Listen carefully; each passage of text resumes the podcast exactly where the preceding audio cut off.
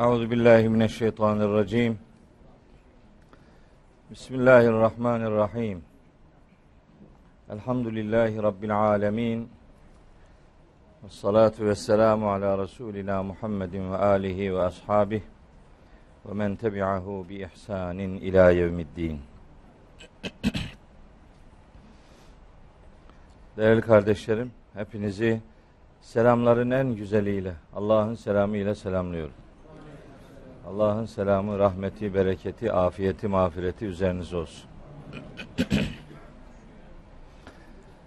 Bugün inşallah Alak suresinin 11. ayetinden itibaren başlayan bana göre son bölümünü inşallah okuyacağız.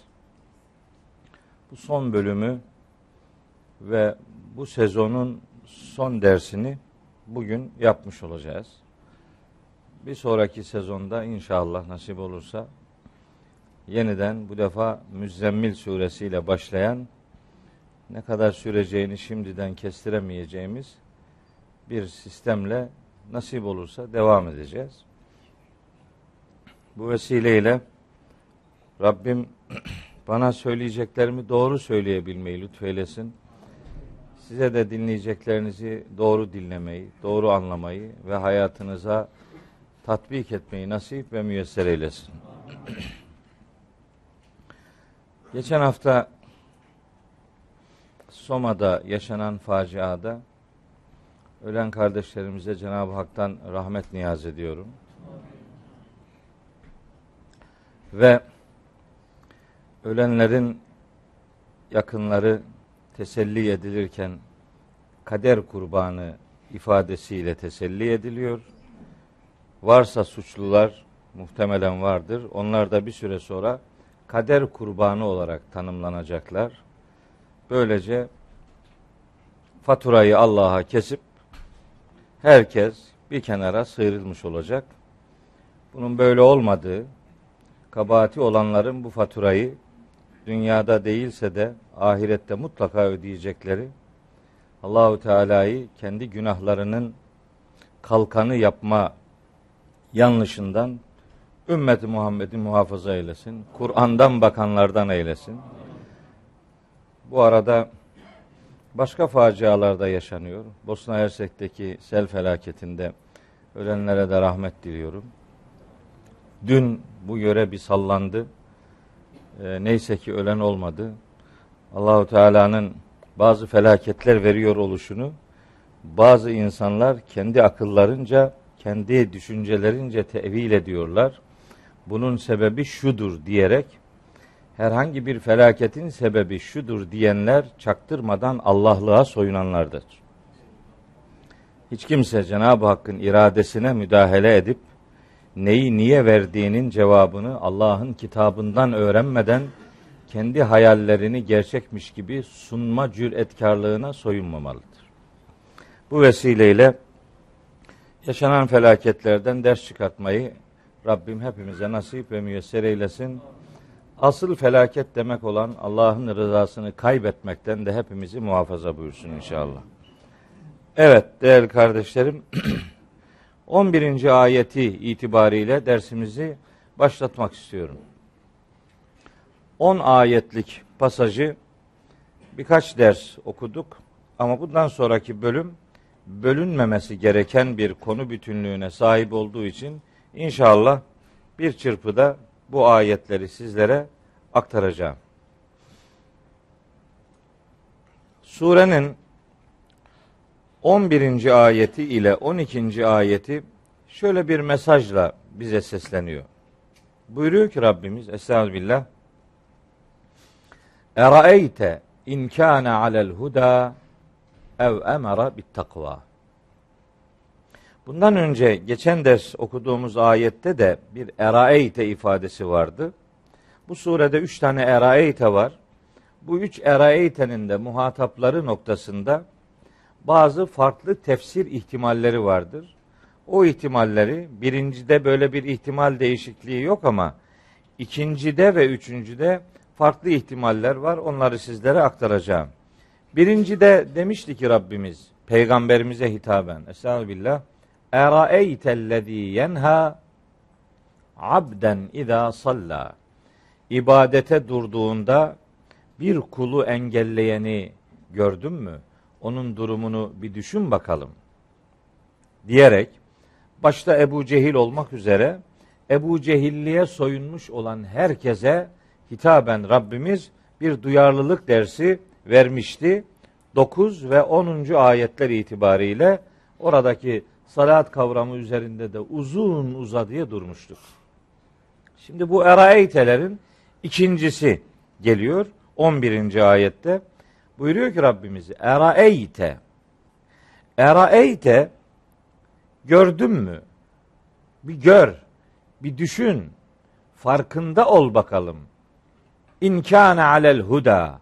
O eğer hidayet üzere ise ev ya da emara bit takva takvayı emrediyor ise emretmiş ise bu ayetin birinci dereceden muhatabı bu defa birinci eraeytede muhatap Hazreti Peygamber ikinci eraeytede muhatap öncelikli olarak ibadete duran kulu engelleyen kişi ya da o tip. Eraeyte bir şeye engel olan adam şunu düşünsün, bir baksın. İnkâne alel huda o engellediği kişi hidayet üzere biri ise bu eraeytenin cevabı şudur. Ma şe'nuhu.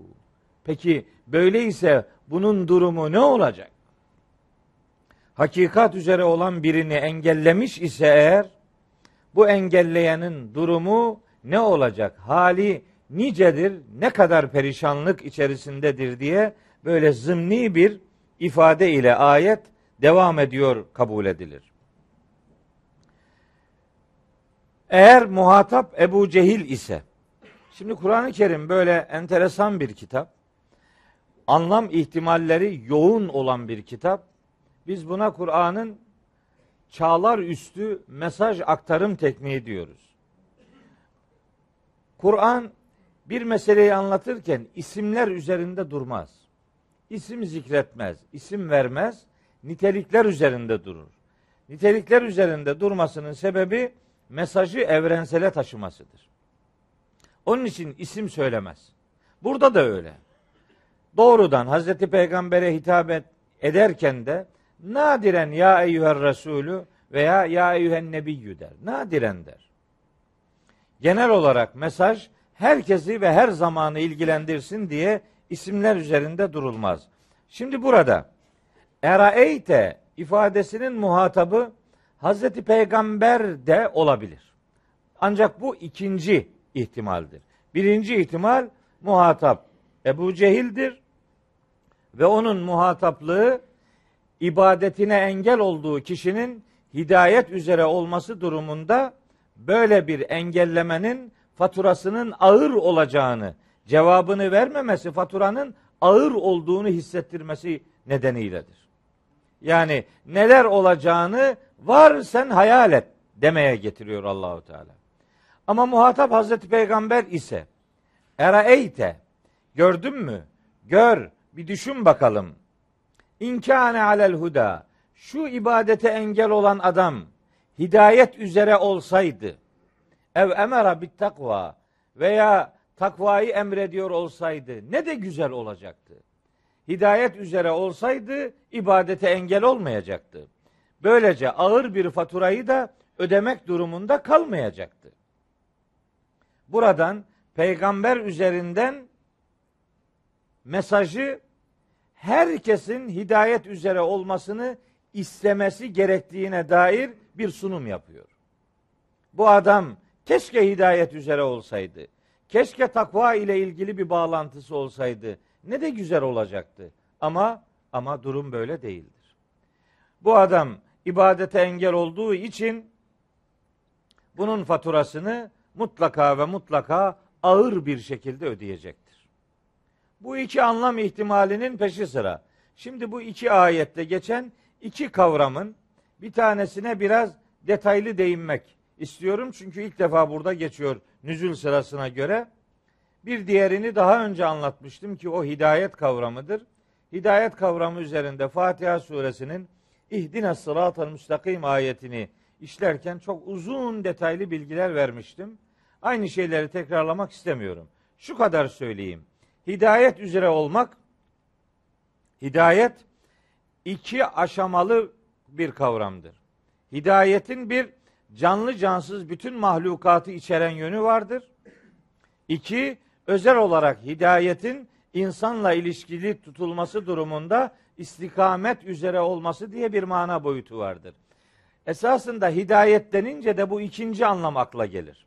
Fakat bir Kur'an okuru olarak hidayetin geçtiği her yerde manayı insanın istikamet üzere olması diye belirleyemezsiniz. Çünkü cansız mahlukatın da hidayetinden söz eden ayetler vardır. Ala suresinde ve Taha suresinde bunun çok çarpıcı iki örneği vardır. Sebbihisme rabbikel a'la ellezî halaka fesevva vellezî kaddara feheda. Her şeyin ölçüsünü kazandıran ve her şeye hidayet veren Allah'ın şanı ne yücedir onu tesbih et emriyle ilişkili bir bağlamda geçer. Orada hidayet bir varlığın yaratılış amacına uygun olarak dizayn edilmesine denilir. Firavun Hazreti Musa'ya soruyor. Hemen Rabbukuma ya Musa. Sizin Rabbiniz de kimmiş ey Musa? Dalga geçerek soruyor. Hazreti Musa cevap veriyor. Buyuruyor ki Rabbunellezî a'ta külle şeyin halkahu sümme heda. Bizim Rabbimiz her şeye yaratılışını veren, sonra da her şeyi hidayet üzere dizayn edendir. Taha suresinin 50. ayeti. Hidayet her mahlukla alakalı bir kavramdır. Ama tekrar ediyorum, terim olarak hidayet denince akla insanın istikamet üzere olması gelir. Burada kastedilen de odur. Eraeytellezî yenha eraeyte imkâne alel huda ev emara bit takvadaki hidayet insanın istikamet üzere olmasıdır.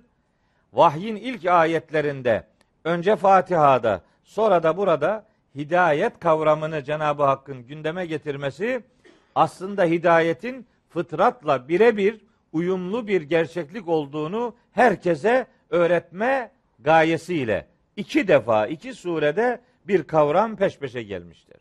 Hidayet yaratılışa uygun hayatı dizayn etmenin fıtratla barışık bir hayat yaşamanın bir başka ifade biçimidir.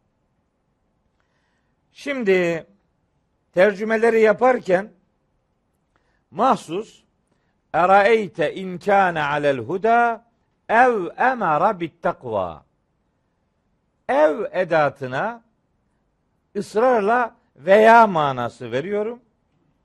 Ama yansıda da gördüğünüz gibi tercümede ben veya manasını tercih etmedim. Düşün ya o ibadeti engellenen kul doğru yolda ise yani takvayı emrediyorsa oradaki Arapçayı bilenler mutlaka fark etmişlerdir. Ev emara bit takva cümlesinin başındaki ev edatı standart olarak veya manasına gelir. Ev edatının bilinen anlamı veyadır. Türkçedeki veya yani seçenek sunma anlamı veren bir edattır. Fakat Kur'an'da bu edat her zaman veya manasına gelmez. Bu edatın bir ve manası da vardır. Yani manası da vardır.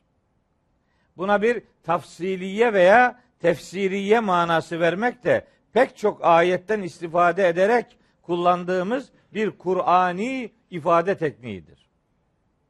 Niye bunu zorluyorum? Şunun için. Düşün bakalım. O ibadetine engel olunan kişi hidayet üzere ise veya takvayı emrediyorsa sanki hidayet üzere olmak başka bir şey, takvayı emretmek başka bir şey. Hayır. Bunlar başka şeyler değiller ki. Bunlar birbirinin yerine kullanılan biri diğeriyle beraber anlam ifade eden ikisi aynı hakikatın değişik sunum biçimleridir. Öyleyse aradaki ev edatına veya manası verilmemelidir. Yani Eraeyte in kana alel huda. Bu adam eğer hidayet üzere ise ev yani emara bit takva. İnsanlara takvayı emrediyorsa. Kur'an'da bunun pek çok örneği var. Bu ev edatının ve ve manasına yani manasına geldiğini ifade ettiğimiz pek çok örnek var. O örnekler üzerinden şimdi vakit e, gasp etmek istemiyorum. Ama bunun böyle bir manası olduğunu özellikle sizlere aktarayım. Belki hani bir tane olsun bir örnek bilsek iyi olur diyebilir kardeşlerimiz. Hemen onlara böyle çarpıcı bir örnek ifade edeyim. Kaf suresinin 37. ayeti. Kaf suresi 50. sure. Onun 37. ayetinde buyuruyor ki Yüce Allah. Önce helak edilmiş geçmiş ümmetlerden birkaç tanesinden örnek veriyor. Sonra mahşer şartlarının ağırlığından kafirler için onun ağır bir akıbet oluşturacağı gerçeğinden bahis ediyor ediyor. Ondan sonra helak edilmiş diğer kavimlere dair genel bir hatırlatma da bulunuyor. 37. ayette buyuruyor ki inne fî zâlike ledikra. Bütün bu anlatılanlarda bir hatırlatma vardır. Gerçeğe dair bir bilinçlendirme vardır. Kime yönelik bilinçlendirme? Limen kâne lehu kalbun. Kalbi olana. Kur'an'daki kalp ifadesi aslında işlevsel olan, kendisiyle akledilen bir gönderme ifade eder. Kalbi olan demek düşünebilen demek. Düşünebilenler için burada bir hatırlatma vardır. Ev veya el sem'a ona bir kulak atan için. Yani kalbi olan için, öğüt alabilecek adam için burada bir hatırlatma vardır. Yani gerçeğe kulak veren için. Oradaki ev edatı yani manası verir. Veya değil. Akleden kalbi çalıştırmak başka bir şey, hakikate kulak vermek başka bir şey değil. İkisi aynı şey. İkisi birbirinin baş, başka ifadelerle telaffuz edilmiş biçimidir. Bunun örnekleri var. Hadi bir tane daha söyleyeyim. Mülk suresinin 10. ayeti. Cehennemlikler orada suçlarını ve pişmanlıklarını beyan edecekler. Diyecekler ki 10. ayet Mülk suresinin ve kalu lev nesma'u ev na'kilu ma kunna fi ashabis sa'ir. Biz eğer gerçeğe kulak verseydik veya aklımızı çalıştırsaydık şimdi bu ateş halkı arasında olmazdık. Yani gerçeğe kulak vermek ve aklını çalıştırmak birbirinin alternatifi şeyler değil. Aynı şeyin iki farklı ifade biçimidir. Biz gerçeğe kulak verseydik, yani aklımızı çalıştırsaydık, şimdi bu azap ehli arasında bulunmayacaktı ifadesinde kullanılan ev edatı bir tefsiri edatıdır veya manası vermez. Hadi bir tane daha söyleyeyim. Bakara suresinin zaten yavaş yavaş hepsini söylüyoruz. Bakara suresinin 200. ayetinde de bir örnek var. Belki bu daha çok akılda kalabilir. Onun için söylüyorum. Bakara 200 numaralı ayet. Buyuruyor ki Rabbimiz Estağfirullah. Fe izâ kadaytum menâsikeküm fezkurullâhe kezikrikum âbâeküm ev eşedde zikra. Hacla ilgili yapılması gerekenleri kaza ettiğiniz zaman izâ kadaytum kaza ettiğiniz zaman bizim kaza ile ilgili Türkçe'de kullanılan şey Arapçadaki mana ile taban tabana zıttır.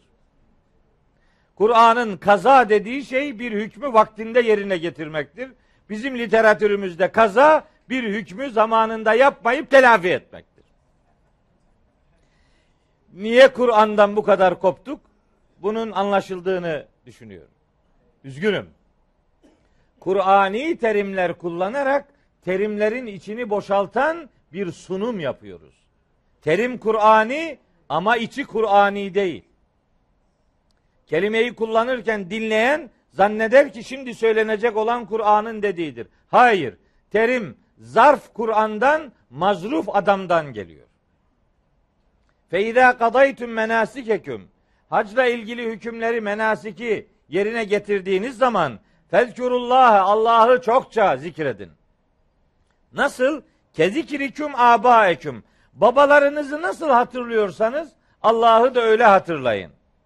Bu babalarınız kadar Allah'ı hatırlayın. Babalarınıza ne kadar zihninizde yer veriyorsanız Allah'a da o kadar yer verin gibi anlaşılabilir. Ondan sonra da ev edatı geliyor. Kezikrikum abaeküm ev eşedde zikra. Bir adam babasını hatırladığı kadar Allah'ı hatırlarsa bu Allah'ı hatırlamamak demektir. Allah hiçbir varlıkla mukayese kabul etmeyecek yegane bir kudretin ifadesidir. Onun için babalarınızı hatırlıyorsunuz ya işte onun gibi yani ev yani eşedde zikra çok daha fazla Allah'ı hatırlayacaksınız. Babanı hatırladığın kadar değil. Ondan çok daha fazla Allah'ı hatırlamak durumundasın diye kullanılan ev edatı veya manasına değil yani manasına gelir. İşte böyle. Başka örnekler de var. Müzzemmilin başında var.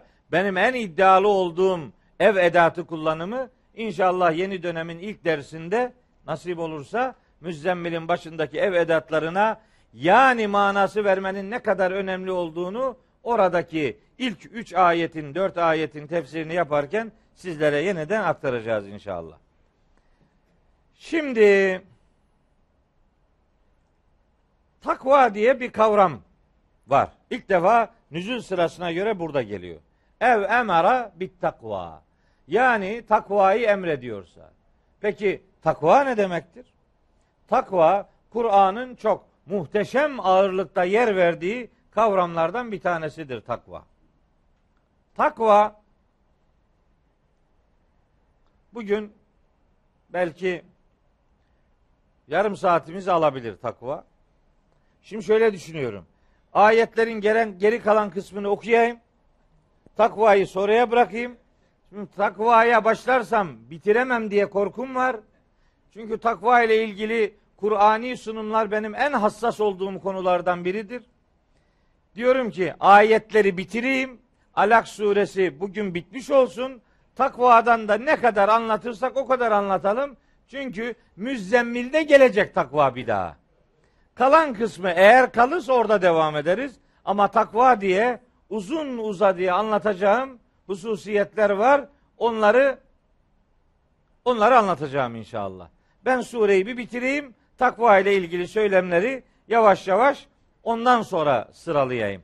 Şu kadarını söyleyeyim şimdilik. Bir adam bana sorsa ki Kur'an'ın indiriliş amacı nedir? Bana bir cümle ile söyle dese ona vereceğim cümle şudur. Kur'an'ın indiriliş amacı muttaki adam yetiştirmektir.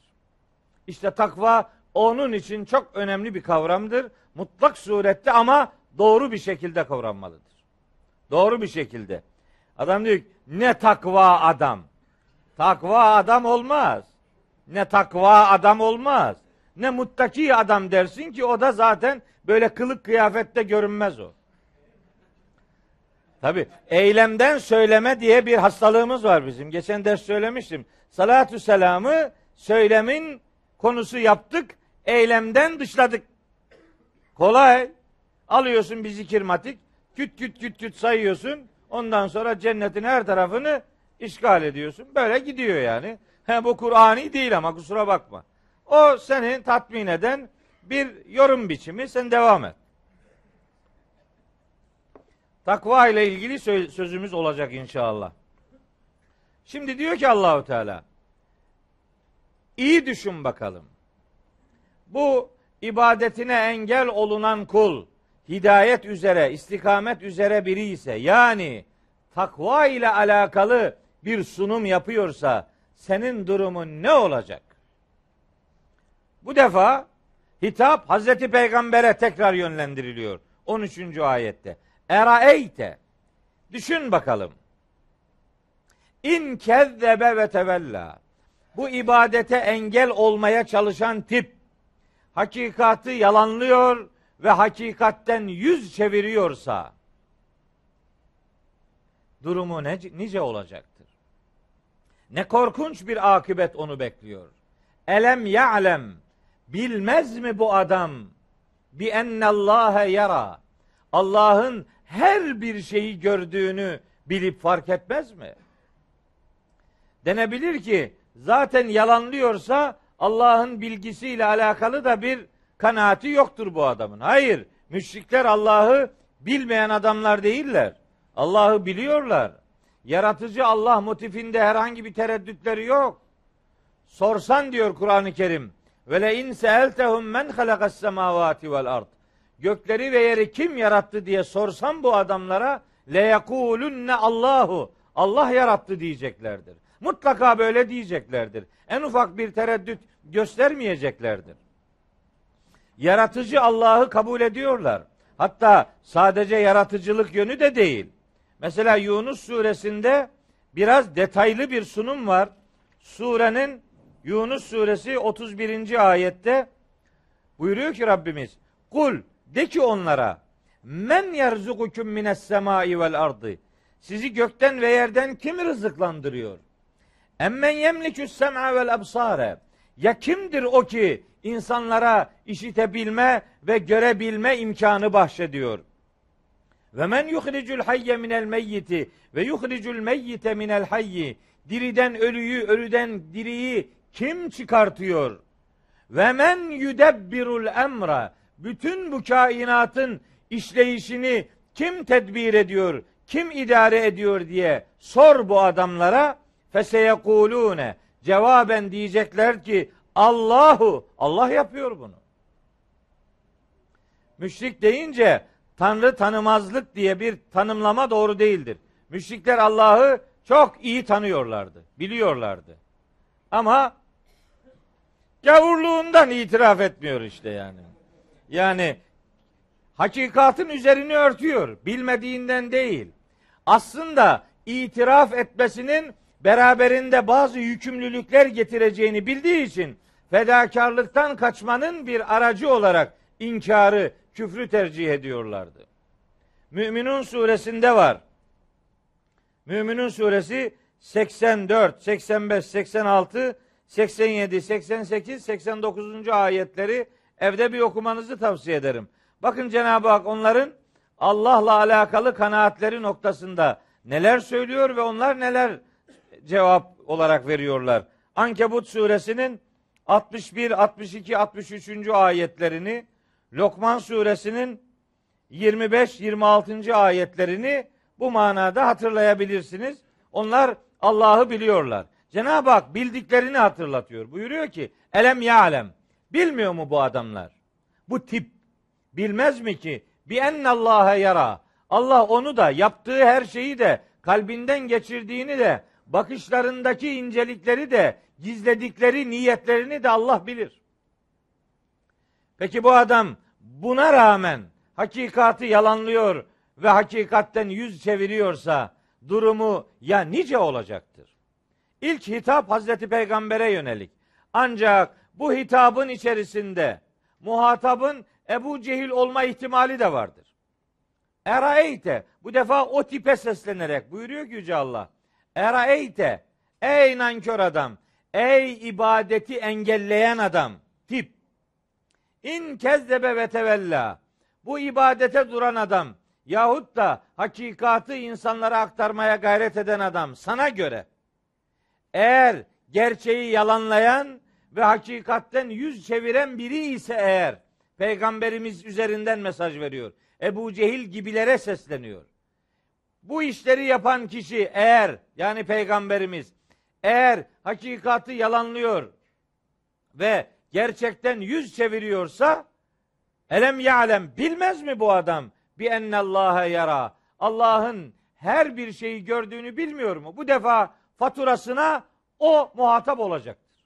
Yani sen Allah adına peygamberi yalanlamanın bir alemi yok. Eğer yanlış bir şey yapıyorsa onun faturasını Allah kesecektir. Bu ayetin ikincil anlamıdır. Muhatabın Ebu Cehil gibiler gibi öncelenmesi ikinci bir ihtimaldir. Asıl ihtimal Hazreti Peygamber'e hitap ederek ibadeti engelleyenin yanlış durumda olduğunu beyan etmesidir. Şimdi bu üç eraeyte ifadesi bittikten sonra aslında bu ifadeler bize şunu öğretir. Üç eraeytenin peş peşe yer almasının sebebi ey bütün muhataplar inanç diye her neye sahipseniz her neyi benimsiyor ve her neyi uyguluyorsanız onu sorun sorgulayın. Soracak ve sorgulayacaksınız. Hazır zihnimde bulmuşum. Babamı da dedemi de bir yol üzere bulmuşum. O yol benim takip edeceğim yoldur diyerek meseleyi kestirip atmayın. Neye inanıyorsanız inancınızı sorgulayın. Sorarsa bulacaktır. Onun için bazı dini algılarda soru sormak yasaktır. Soru sorma. Soru sorarsan helak olursun. Ee, peki duha ve inşirahı burada işleyeceğiz inşallah.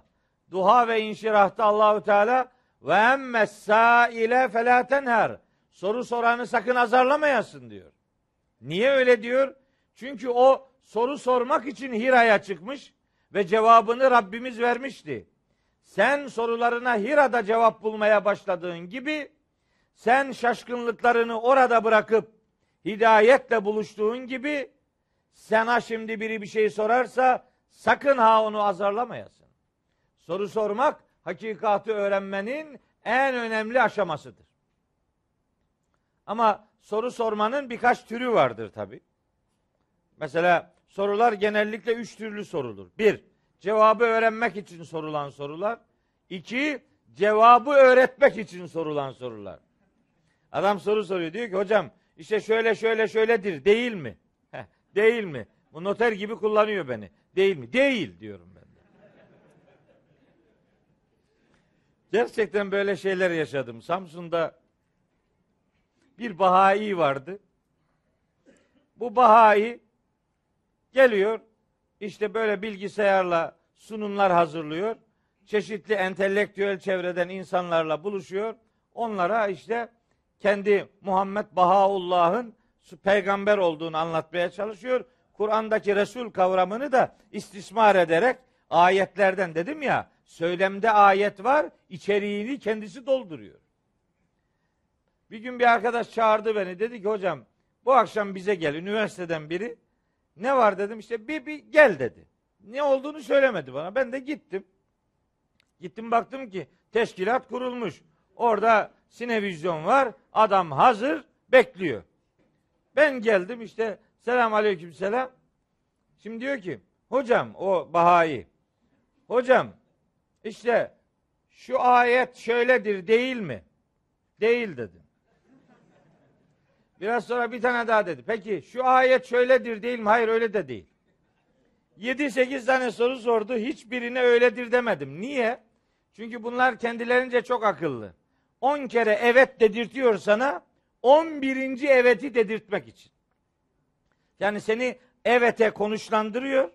Sen evet evet evet diyorsun. Dilin de alışıyor. 11. soruya da evet dedirtiyor. Ha bak peygamber Bahaullah'tır. Oraya getiriyor.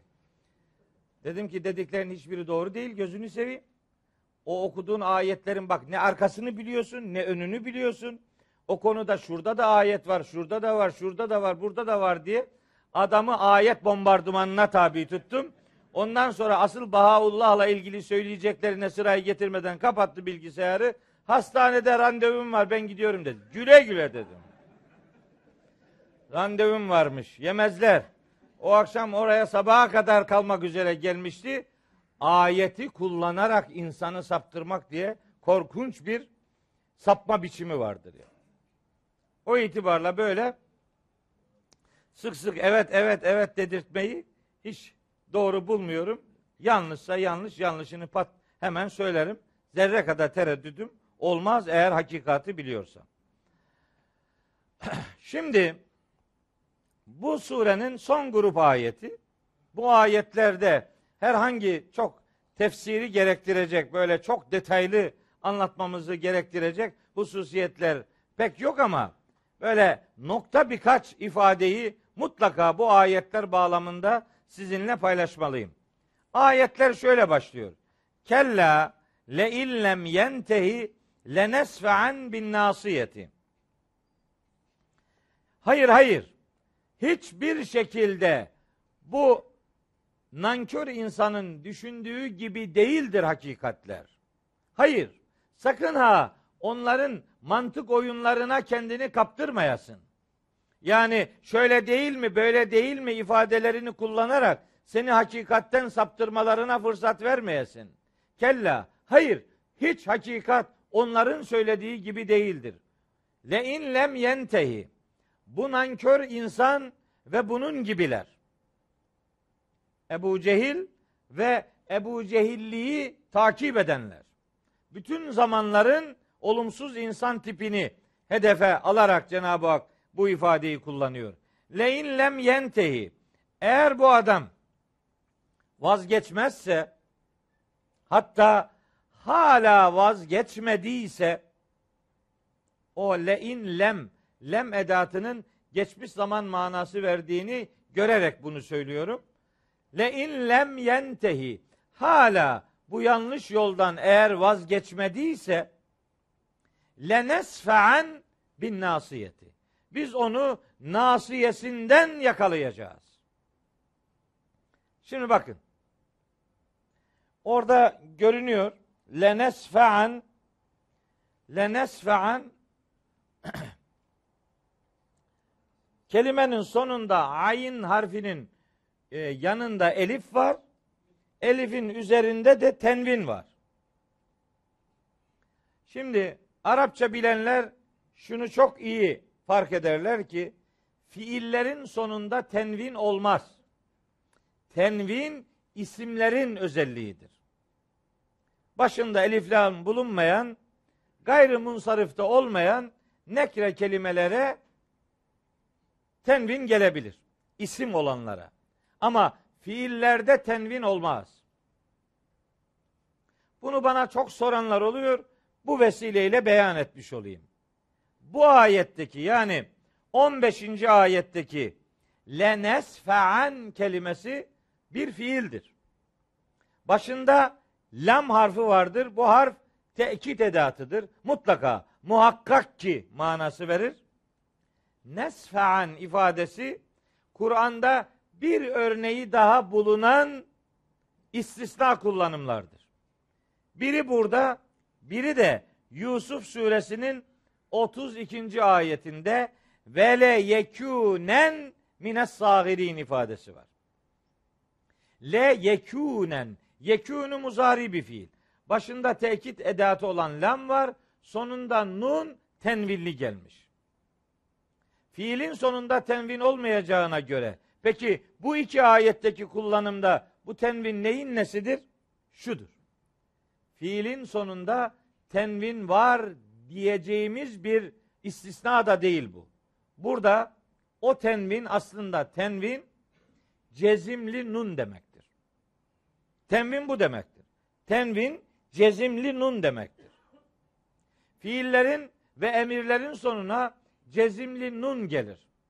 Bunlara nuni muhaffefe derler. Yani şeddesiz nun, manayı güçlendiren bir katkısı vardır. Lenes fe'an yani o ayından sonra cezimli bir nun vardır. O cezimli nun tekit edatıdır. Manayı başındaki lamla beraber kuvvetlendirir. İki tane ayette bu kural tenvinli yazmaya, hattatların tercihiyle tenvinli yazmaya dönüştürülmüştür. Yani kelime gene fiildir. Sonunda muhaffef bir nun vardır. Onun iki ayette biri Yusuf suresi 32. ayet, biri de Alak suresinin 15. ayetinde tenvinli yazılmış ama fiil tenvin almış demek değildir. Bu cezimli nunun tenvin şeklinde yazılmasından ibarettir. Kelime gene fiildir. Vereceğimiz mana tekitli bir fiil manasıdır. Sakın ha sonunda tenvin görünüyor. Demek ki bu isimdir gibi bir yanılgıya düşmeyelim düşülmez. Tekit nunu, muhaffefe nunu burada temminli yazılmıştır. Kur'an'da iki örneği vardır. Biri burada, biri de Yusuf suresinin dediğim gibi 32. ayetinde. Peki ayetin demek istediği nedir? Ayetin demek istediği şu. Kella le inlem yentehi. Hayır hayır mesele onun zannettiği gibi değil. Lenesfa'an le inlem yentehi. Bu adam bu yanlış gidişattan vazgeçmezse, vazgeçmediyse hala daha neden vazgeçmiyor yani? Vazgeçsin demeye getiriyor. Lenesfa'an bin nasiyeti. Onu bu perçeminden yakalayacağız biz diyor. Perçeminden yakalanmak hem dünya şartlarında bir hakikate gönderme yapıyor olabilir, hem ahiret şartlarında kötülük sahiplerinin cezalandırılması manasında mahşere dair bir anlam verebilir. Eğer maksat dünya şartlarında bir yakalanmak ise o zaman burada sözü edilen husus bu Ebu Cehil gibilerin ama özellikle de onun Bedir Savaşı'ndaki mağlubiyette yaşadığı akıbettir. Ne olmuştur? Bu ayetler geldiği zaman ayetleri Mekkelilere okumakta bazıları tereddüt gösterebilirlerdi. Bu tereddüdü giderme noktasında İbn Mesud ayetleri okumakta hiç tereddüt göstermezmiş. O ayetleri okuyunca Ebu Cehil onu çok tartaklamış. İbn Mesud'u bu ayetleri okuyunca çok tartaklamış ama Bedir Savaşı'nda Ebu Cehil yere yıkılınca onu tartaklayan İbn Mesud ona hak ettiği cevabı Bedir'de vermiştir. Yani meselenin Bedir'le, dünya hayatı ile ilgili bir boyutu vardır. Ama asıl verilmek istenen mesaj ahirete yönelik bir dikkat çekmektir. Hakikati yalanlayanlar damgalanacaklardır diyor İbn Abbas. Kalem suresinde beyan edildiği gibi senesimuhu alel hurtum. Biz onun burnunu sürteceğiz diyor.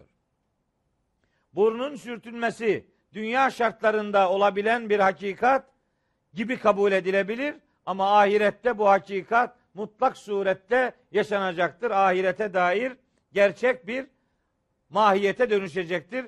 Bu nasiyeden yakalanmak veya burnunun sürtünmesi. Maksat aşağı yukarı iki ayette de aynıdır. Nasiye kelimesinin burada zikredilmesi manidardır. Çünkü bir adamı nasiyesinden yakalamak yani şuradaki saçlardan perçem perçem diyoruz ya şuradakilere alnın üzerine doğru e, işte düşen saçlar yani kel olanların öyle bir derdi yok. Yani o zaten apaçık. E, ama işte benim gibi biraz saçı olanlar bunlara perçem dönüyor. Buradan yakalamak. Buradan yakalamak hem adamın kaçmasını engellemektir hem de onun dünya hayatındaki gururunu yerle bir etmektir. Bir adamı buradan çekip sürüklüyorsanız onun gururunu ayaklar altına aldınız demektir. Onun için nasiyeyi söylüyor. Yani dünyada hakikate karşı kibir ve istikbar içerisinde olanların burnu sürtünecek, nasiyelerinden yakalanıp sürüklenecektir. Sürükleyeceğiz diyor onlar Allahu Teala. Kibirlerini, gururlarını yerle bir edeceğiz. Nerede? Mahşerde. Fakat burada bir bir şey daha var. Sadece buradan tutulunca bu adamın cezası sadece alnından yakalanmaktır. Geri organları demek ki kurtarıyor gibi bir zannımız olmasın. Kur'an'da yine bir ifade tekniği vardır. Onu şimdi beyan edeyim. Zikri cüz, iradeyi kül. Yani parçayı anarak bütünü kastetme. Bunun tersi de var. Bazen bütün anılır, parça kastedilir. Bazen parça anılır, bütün kastedilir. Burada parça anılmış ama bütün kastedilmiştir. Niye? Adamın alnı tek suçlu olan bu değil ki. Onun ağzı da suçludur, kalbi de suçludur, aklı da suçludur, elleri de, gözleri de, kulakları da bütün bedenini hem ruhi donanımlarını hem bedenini hakikate karşı olmaya fixlemişse bir adam öyle bir şartlanmışlık içerisindeyse o ceza onun her tarafını kaplayacaktır. Burada alnın beyan edilmesi gururun, kibrin ve istikbarın faturasının öden, ödetileceği mesajını özellikle vermek içindir. Yoksa diğer tarafları kurtuluyor gibi böyle bir ifade kesinlikle söz konusu değildir. Allahü Teala kendi hakikatlerini yalanlayanları cezalandıracağını söylüyor. Bu arada peygamberimize de bir moral vermeyi amaç ediniyor. Niçin? Çünkü peygamberimiz çok üzülüyor bu hakikatleri yalanlayanları gördükçe. Bir sürü ayet var. Lealleke bâhi'un nefseke ellâ yekûnû mü'minîn. Şu Ara suresi 3. ayet. İnanmıyorlar diye neredeyse kendini perişan edeceksin.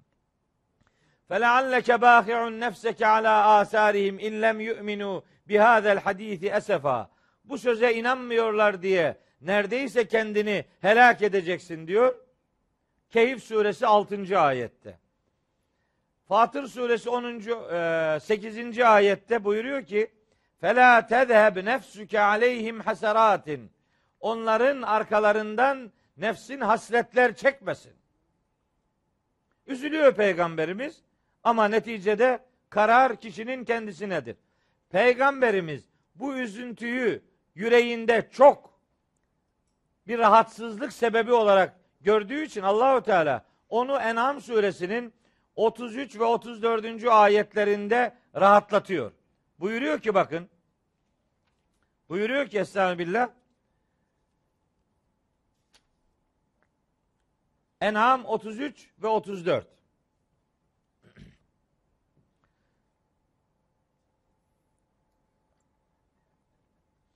Bu klima çalışıyor ya.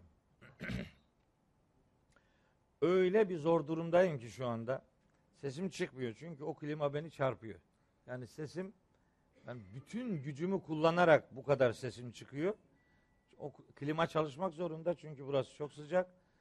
Ee, ama klima çalışıyor fakat beni çalışmaz hale getiriyor. Dün akşam Çerkezköy'deydim. Tekirdağ'ın Çerkezköy ilçesinde. İmam Hatip'te bir organizasyon yapmışlar. Oraya gittim. Orada da çok heyecanlı bir dinleyici kitlesi vardı. Ben böyle kalabalık görünce kendimi kaybediyorum. Yarım saat konuşacaktık, bir buçuk saat konuştuk. Bir buçuk saat konuşunca sesimin önemli bir bölümü orada gitti. Biraz burada kullanıyoruz. Biraz sonra başka bir programa gideceğiz. Bir arada orada Samsun'a kutle ayemut döneceğiz. Öyle anlaşılıyor. evet. Neyse bugün son ders. Şimdilik bu ses bir 40 dakika daha devam ederse sorun yok Allah'ın izniyle. En'am suresi 33. ayet. En'am suresi. En'am suresi diye ağzımızdan çıkıyor. En'am diye bir sure yok Kur'an'da. En'am suresi var. En'am canlılar demektir. En'am dört harfli dört bacaklı hayvanlar demektir. Dolayısıyla arada bir fark var. Böyle kelime karambole gitmesin. Kadine alemu. Biz biliyoruz diyor Allahu Teala. İnnehu le yahzunu kellezî yekulun. Bu adamların sözlerinin seni hüzünlendirmekte olduğunu biz biliyoruz. Fe innehum bu adamlar la yükezzibuneke aslında seni yalanlamıyorlar. Velakinne zalimin bu zalimler bi ayatillahi yechadun. Allah'ın ayetlerini inkar ediyorlar. Üzerine alınma. Çok canını sıkma. Bunların hedefi sen değilsin. Sen bunların içerisinde bu hakikatleri söylemeden önce pasif iyilerden olduğunda çok gözde bir adamdın. Ama ne zaman ki hakikatı dilinle söylemeye başladın, toplumun en tehlikelisi haline getirdiler seni. Ama senden kaynaklanmıyor. Onların yalanladığı şey ayetullah'tır, ayatullah'tır. Bunun üzerinden Cenab-ı Hak onlara moral veriyor. Peygamberimize ve müminlere moral veriyor. Tekrar nasiye kelimesine tekrar bir ufak göndermede daha bulunmalıyım. Çünkü gelen ayet 16. ayet nasiye ile alakalı şöyle bir bilgi veriyor. Nasiyetin kâzibetin etin. Bu nasiye var ya diyor Allahu Teala. Bu nasiye sürekli hakikati yalanlar ve sürekli hata yapar. Yalanlayıcı ve hata yapıcı nasiye. Bir adamın yalanlaması ve hata yapması beyniyle alakalı bir faaliyettir şüphesiz. Ama bu faaliyet beyinden ibaret değildir. O karara organlar da katılır. Bütünüyle insan bütünüyle bu hataları yalanlar veya hata yapar. Allahu Teala acaba neden nasiye kelimesini hata yapan ve hakikati yalanlayan sıfatıyla peş peşe getiriyor? Bu ciddi bir iş. Bu çok önemli bir mesaj verir. Nasiyetin, kazibetin, hatiyetin. Nasiyeyi açıklıyor. Bu nasiye sürekli yalanlayıcıdır ve sürekli hata yapıcıdır. Akla, beyne, iradeye gönderme yapması zaten ilk tefsir edeceğimiz noktayı bu nokta olarak belirliyoruz. Ancak Alak suresinin ilk dersini ya da ikinci dersini yaptığımız hafta söylemiştim. Beyinle alakalı çalışma yapan doktorlar, hani nöroşirurji uzmanları, beyinle alakalı, nöroloji değil de nöroşirurji uzmanları, insan beyniyle alakalı bilgi verirken, beynin dört tane bölümünün olduğunu beyan ederler. Ben hemen sözün burasında o derste söylemiştim. Burada da bir daha söyleyeyim. Samsun'da Profesör Bünyamin Şahin'e ve Trakya'da do- doçent Zerrin Yulu Kural hanımefendiye buradan teşekkür ediyorum. Bana Kur'an'da bu ayette neden al, alnın bu tarafıyla alakalı yalanlamak ve hata yapmak sıfatlarının geldiğinin cevabını o kardeşlerimin katkısıyla öğrendim. Beynin karar verme, onaylama veya yalanlama mekanizmasının bu ön frontal bölge olduğunu beyan ediyorlar. Yani insan beyninin arkasıyla düşünmüyor. Sağıyla soluyla da düşünmüyor. Ön tarafıyla beynin düşünme alanı bu ön frontal bölge. Orayla düşünür insanlar. Orayla yalanlama yaparlar veya orayla hata yaparlar. Burasıdır insanın organlarına ya da bilincine dair karar verme merkezi burasıdır. Eğer burasıysa yalanladığı için ve hata yaptığı için perçeminden yakalanacak adamın yakalanma organı olarak burasının belirlenmesi harika bir Kur'an mucizesidir. Ama bunu biz yeni anladık. Bu hakikat Kur'an'ın insanı müstakil bir kitap olarak kabul ettiği gerçeğinin bir örneğidir. Kur'an'a göre kainat bir kitaptır. Kur'an'a göre insan başka bir kitaptır. Kainattaki her mahluk bir ayettir. Çünkü Kur'an öyle söylüyor. Ayeti olan şey kitap demektir. İnsanla ilgili onca ayetten söz eder. Öyleyse insan müstakil bir kitaptır. Kur'an bu üç kitabın okunmasını ister. Hem kainat kitabı okunsun, hem insan kitabı okunsun, hem bu vahiy kitabı okunsun. Hakikat aynı yaratıcının ortaya koyduğu üç kitabı takip ederek elde edilebilir. İşte hata yapan ve yalanlayan alından onları yakalayacağız. Yani kafanın bu ön bölgesinden, beynin ön bölgesi karar verme alanı olarak bilinir. Oradan yakalanmak bir mucizevi gönderme olması itibariyle Kur'an'ın başka ilim dallarına da bizi yönlendiren bir içeriğinin bulunduğunun en net örneğidir. En net örneklerinden bir tanesidir. Bu hakikatı bir vesile yeniden sizlere hatırlatmak istedim. Şimdi yeniden ayetlerin mesajına dönelim. Kella le in lem yentehi lenesfe'an bin nasiyeti nasiyetin kazibetin hatiyetin eğer bu adam ya hakikati yalanlamaktan vazgeçmezse biz onu perçeminden sürükleyeceğiz, yakalayacağız. O perçem ki sürekli hakikati yalanlayıcı ve sahibine sürekli hata yaptırıcı bir bölgedir. Öyleyse bu adamlar bu meydan okumalarını Mekke şartlarında peygamberimize ve müminlere karşı bir eziyete dönüştürmüşlerdi. Darun Nedve denen yerde toplanıyor ve Müslümanlarla alakalı adeta ölüm fermanını kesecekleri, dile getirecekleri kararlar alıyorlar Darun Nedve'de. Hatta sayılarının kabarık oluşunu bir övünç sebebi olarak gösterip Müslümanlara meydan okuyorlardı. O güçlerden istifade ederek boykotlar, ambargolar düzenliyor ve Müslümanlara hayatı zindan etmeye gayret ediyorlardı.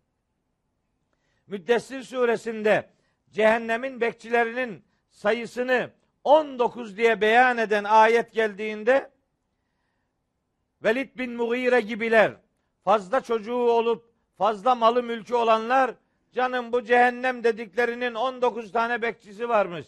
Benim 11 tane oğlum var. Mekke'den de 8 yiğit daha çıksın bu cehennemin zebanilerini hallederiz biz. Diyorlar. Diyordu o tipler. 19 rakamıyla alay ediyorlardı yani.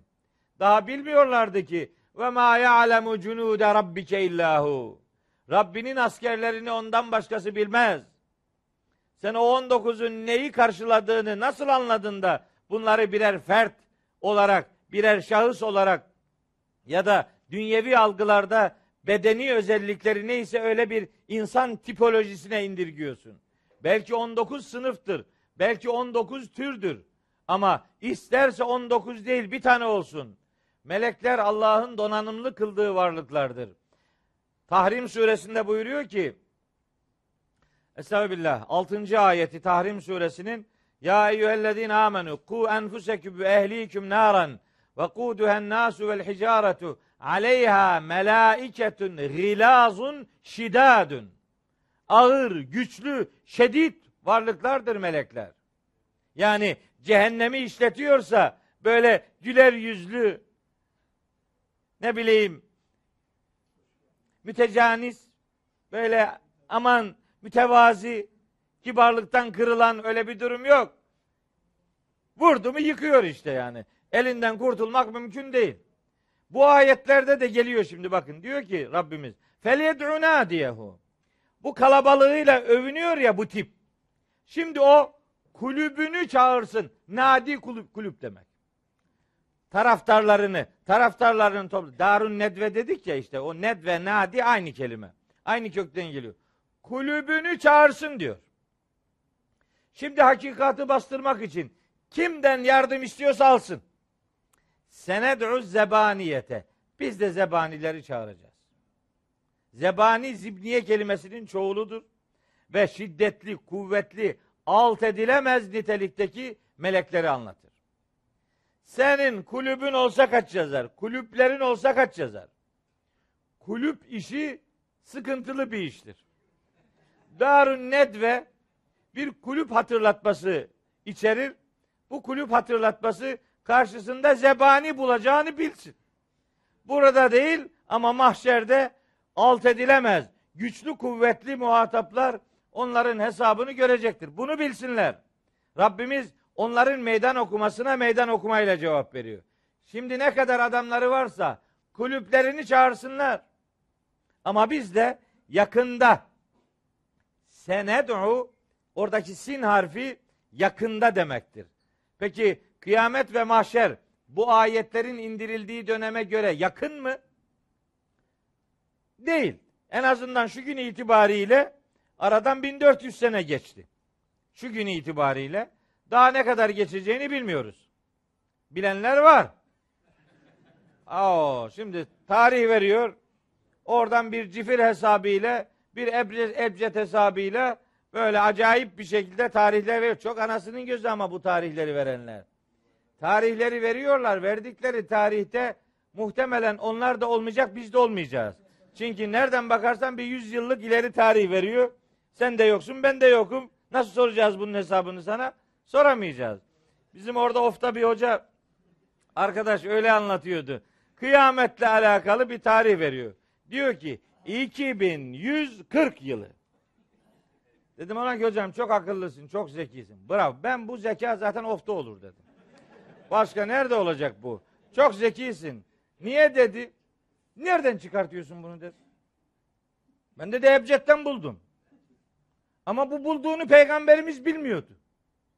Sen ne kadar akıllıysan, nasıl bulduysan bilmiyorum ama bunu peygamberimiz bilmiyordu. Hatta Allahu Teala ona bilemeyeceğini söylüyordu. Kaç ayette? Onlarca ayette söylüyor bunu. Rabbimiz ona bilemezsin diyor. Sen onun bilemeyeceğini sen biliyorsun.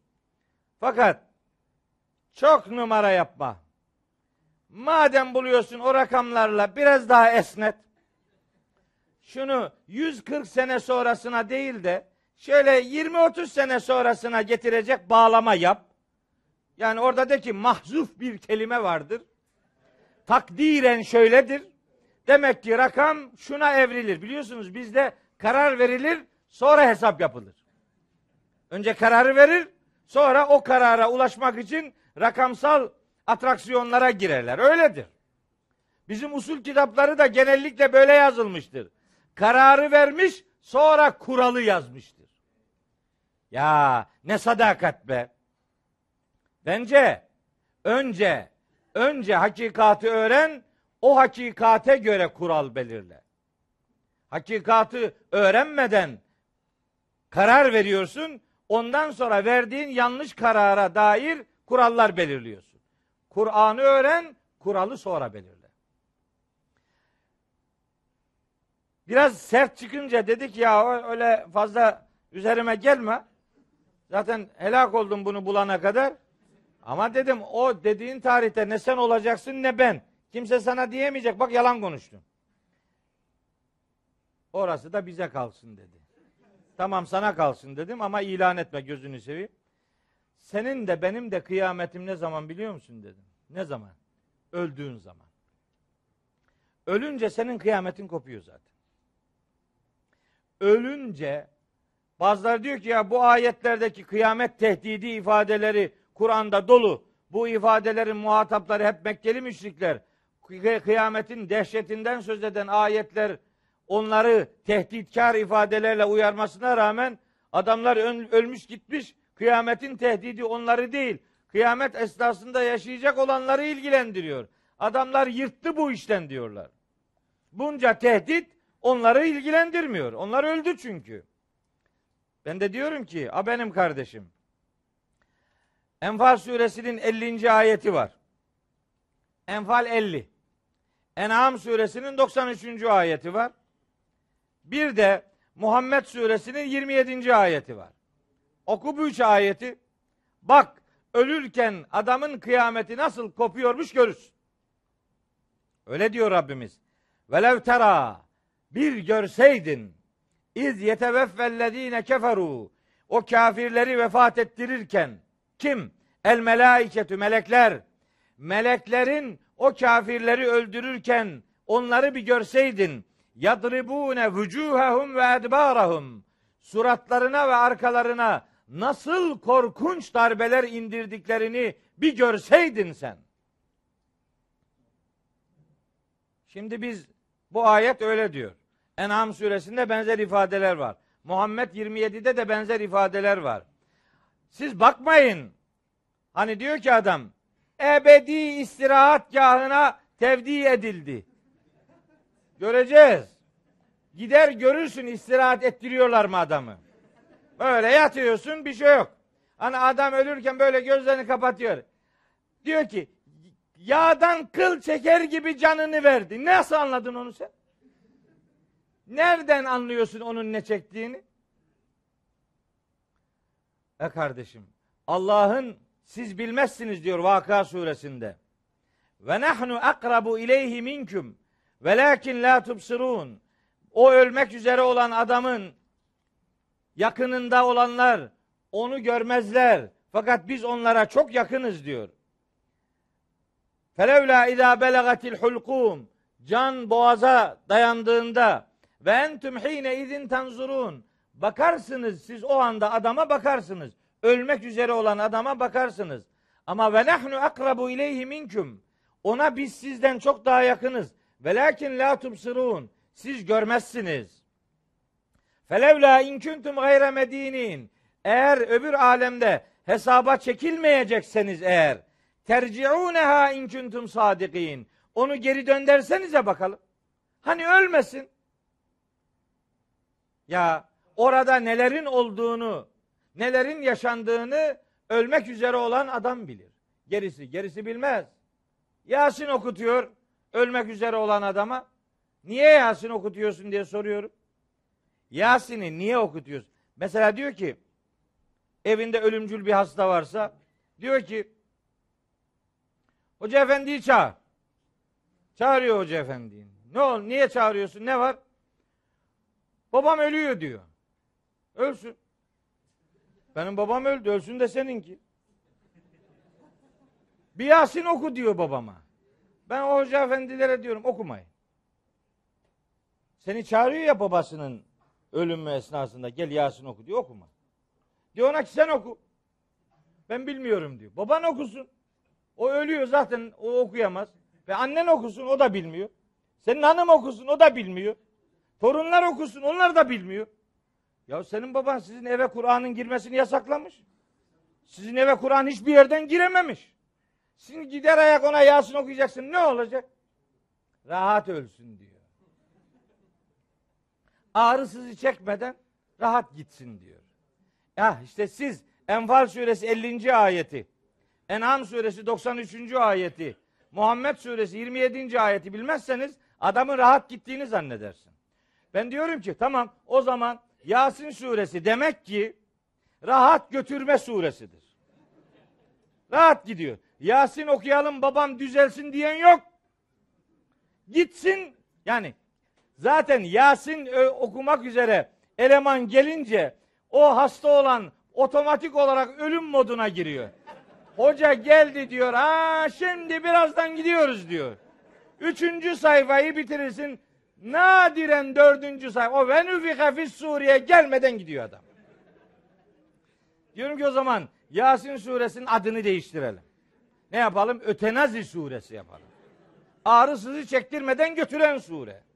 Hocam diyor dalga geçme. Sen dalga geçince iyi oluyor. Senin Kur'an'a yaptığın bu muamele Kur'an'la dalga geçmek değil mi? Hayatı inşa etsin diye indirilmiş bir kitabı ölüme ve mezarlığa mahkum ederek Kur'an'a en büyük hakareti sen yaptın. Sen yaptın sen. Hem o Yasin'in 70. ayetinde der ki Rabbimiz liyunzira men kâne hayyen hayatta olanları uyarsın diye indirildi bu kitap. Sen onu ölüme ve mezarlığa mahkum ettin. Evet, biraz karikatürize ederek anlatıyorum. Başka türlü anlamıyor adam. Ben sonra ona Yasin okuma da demiyorum. Sen oku, sen. Sen okumuyorsun. Niye? İşi idare edip havale, havale ediyorsun, ihale ediyorsun. Aa şimdi Ramazan geliyor, bir ay kaldı. Bak şimdi ben size söyleyeyim ne olacak. Mukabeleler ve hatim siparişleri havada uçuşacak. Adam diyor, ben gene mukabele okuyorum da hafızlık yaptığım zamanlar çok sık yoğun bir mukabele gündemim vardı benim. Adam geliyor hocam bana, babama, anama, de, dedeme, neneme, teyzeme, dayıma 10 tane adam sayıyor. Bunların her birine bir hatim diyor. Tamam bir kişi olsa neyse. O öyle 10 kişi geliyor. O 100 tane hatim. Nasıl okuyacağım ben bunları? Bunları okumanın imkanı yok. Diyorum ki ya Rabbi bir tane kemali dikkatle bir hatim okuyayım. Sen bütün hepsine ikram eyle. Sen geniş imkanın yani. Bunlar 100 tane bitmez kardeşim. Okuyamam da diyemiyorsun ucunda para var. Ya ya para alıyorsun. Mukabele zamanlarında mukabele borsaları var. Geçen senenin bu seneye göre enflasyon farkını üzerine koyuyor. Bin lira ise 1200 lira oluyor yani. Böyle gidiyor. Sen oku sen. Kendin oku kardeşim. Ben burada su içsem. Sen doyar mısın? Yok. Doyman için senin de içmen lazım. Babamı cennete gönderin. Bak Hazreti Peygamber böyle sahabiler böyle mukabele okuyup da milleti cennete postalamadı. Yok öyle bir şey. Bu mukabele okumayın demiyorum ha sakın ha. Bunu hep yanlış anlıyorlar. Oku kardeşim. Her gün oku. Her yerde oku. Yeter ki Kur'an oku. Yeter ki okumalarını anlamaya dönüştür. Anlayarak oku ve hayatına taşımaya gayret et. Ben Kur'an'ın her fırsatta okunmasını canına minnet sayan bir insanım. Tabii ki böyle. Ama sen oku, sen. Sen okumuyorsun, başkalarına havale ediyorsun. Ondan sonra rahat gitsin. Gidecek de rahat olup olmadığını giderken çok güzel gitti diyor. Ya gid bazıları da diyor ki mesela Azrail geliyor. Azrail geliyor Azrail. Adam diyor ki benim şimdilik işim var git. Azrail de gidiyor. Geldi diyor bizim bizim yanımıza, bizim hocamızın yanına veya abimizin, ablamızın neyse. Tabi kelimeleri de kullanamıyoruz şimdi. Abi diyorsun ki aa bak bu onu demek istedi. Abla diyorsun bunu demek istedi. Hoca diyorsun o, üstad diyorsun bu. Ne diyeceğimi şaşırdı. Ama neyse birine geliyor diyor ki Azrail geldi. Dedi ki yok şimdi ben şimdi gelmiyorum git. Görüşürüz. Sen bir şey gördün de o gördüğün Azrail değildi. Azrail geldiğinde geri boş dönmez. La yasun Allah ma emarahum ve yef'alun ma yu'merun. Allah'ın emrettiği şeylere asla isyan etmez. Emrolundukları ne varsa onu aynen yerine getirirler. Yani Azrail kafası kızıp istediğinin yanına mı gidiyor? Şimdi gidelim bakalım durum müsait mi? Sonra gelin bir daha geliriz. Öyle bir şey yok. Geldi geldi bitti o. Daha geri dönmez. Hazreti Peygamber'in yanına geldi boş dönmedi. Beyimizin yanına geliyor birkaç seans uyguluyor. Geliyor gidiyor filan ben. Bu hikayelere masallara itibar etmemek lazım. Bu bu kadar açık yani. Kur'an'dan bakarsanız cevabınız hazır. Ama hikayeden bakarsanız hikayenin dibi yok zaten. Her tarafı hikaye dolu. Evet. Bu meydan okumayı dedim. Dünyaya yönelik de ahirete yönelik olarak da algılayabiliriz. İfadeleri beyan edeyim. Son ayet. Kella. Hayır hayır. Bu algılar, bu tahminler, bu düşünceler asla ve kat'a doğru değil. Sakın ha bunlara zerre miktarı doğruluk payesi vermeyesin. La tuti'hu. Bu Ebu Cehil ve onun tipinde olanların sözüne, davetine ve tavrına asla itaat etmeyesin. İtaat etmemek, aldırış etmemek, boyun bükmemek demektir. İtaat etmemek ifadesi aldırış etmemek, boyun bükmemek demektir. Sakın ha bunların vaadine aldanmayasın. Çünkü Kalem suresinde beyan edildiği gibi buyuruyor ki Rabbimiz veddu lev tudhinu feyudhinune İsterler ki sen onlara yalakalık yapasın, onlar da sana yalakalık yapmaya hazır zaten. Yağdanlık yapacaklar, taviz kopartacaklar. Sakın ha hiçbir vaadine bu tiplerin aldanmayasın. La tuti'hu. Mutlak surette bunlara itaat etme, aldırış etme, boyun bükme. Vescüd. Sen Allah'a secde et, vakterip ve Allah'a yakın ol. Oradaki vescüd ifadesi boyun bük demektir. Yani onlara değil, Allah'a boyun bük. Buradan maksat bedensel, fiziksel anlamda secde etmek manasına da gelir. Hani Kur'an'da var ya 14 tane tilavet secdesi. Onlardan biri budur. Yani ya Rabbi sen boyun bük dedin. işte boyun büküyorum. Bedenimle boyun büküyorum. Bu fiziksel bir teslimiyettir. Ancak buradaki asıl maksat Allah'ın dediklerine boyun bükmektir. Yani Allah'ın bütün sözlerini hayatının merkezine almak, yüreğine bunları yazmak ve uygulamada onları hayatının vazgeçilmezi yapmaktır. Vescüd secde Allah'ın iradesine boyun bükmek demektir. Ama bunu bedensel olarak da bir tilavet secdesi örneği olarak da bu ayette yer aldığını bilelim. Vescüd kısmı bu. Peygamberimiz secde ile alakalı buyuruyor ki akrabu ma yekunul abdu ila rabbihi ve huve sacidun. Kulun Rabbine en yakın olduğu an secdeye kapandığı andır. Kimse başkasının önünde yüzünü yere koymaz. Yüzümüzü yere koyduğumuz zaman yüreğimizin kıblesi Allah'tır kararını verdiğimiz andır. Öyleyse secde anı secde anı Allah'la baş başa kalmanın ve ona iltica etmenin, araya birilerini sokuşturmamanın en net fiziksel göstergesidir. Onun için Peygamberimiz İmam Müslim'in kitabında yer alan bu rivayette akrabu ma yekunul abdu ila rabbihi ve huve sacidun. Kulun Rabbine en yakın olduğu an secde anıdır. Yani hem Allah'ın dediklerini kabul etmesi anlamında bir yakınlıktır hem de bedensel olarak alnının secdeye koyduğu o fiziksel eylemdir. Vakterib ifadesi de vakterib ifadesi de yakın olmak. Burada iki mana ihtimali vardır.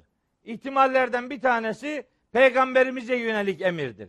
Yani sen Allah için secdeye kapan, vakterib ve böylece Allah'a yakın ol. İzzeti ve ikramı, itibarı, şanı, şöhreti bu adamların yanında arama.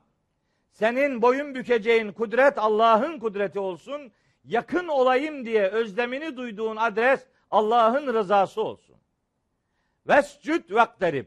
Allah'a yakın ol, cennete yakın ol tefsiri yapılır. Böylece ey peygamber onlara aldırış etme, itaat etme, Allah'a secde et ve böylece hem Allah'a hem de dolayısıyla cennete yakın ol. Bir anlam budur. Öncelikli anlam budur. Kelimelerin verdiği dizilişteki mana budur. Ancak muhataplardan biri bağlam gereği hani 9. ayetten bu yana okurken bağlam gereği bir Ebu Cehil tipolojisinden söz ediyoruz.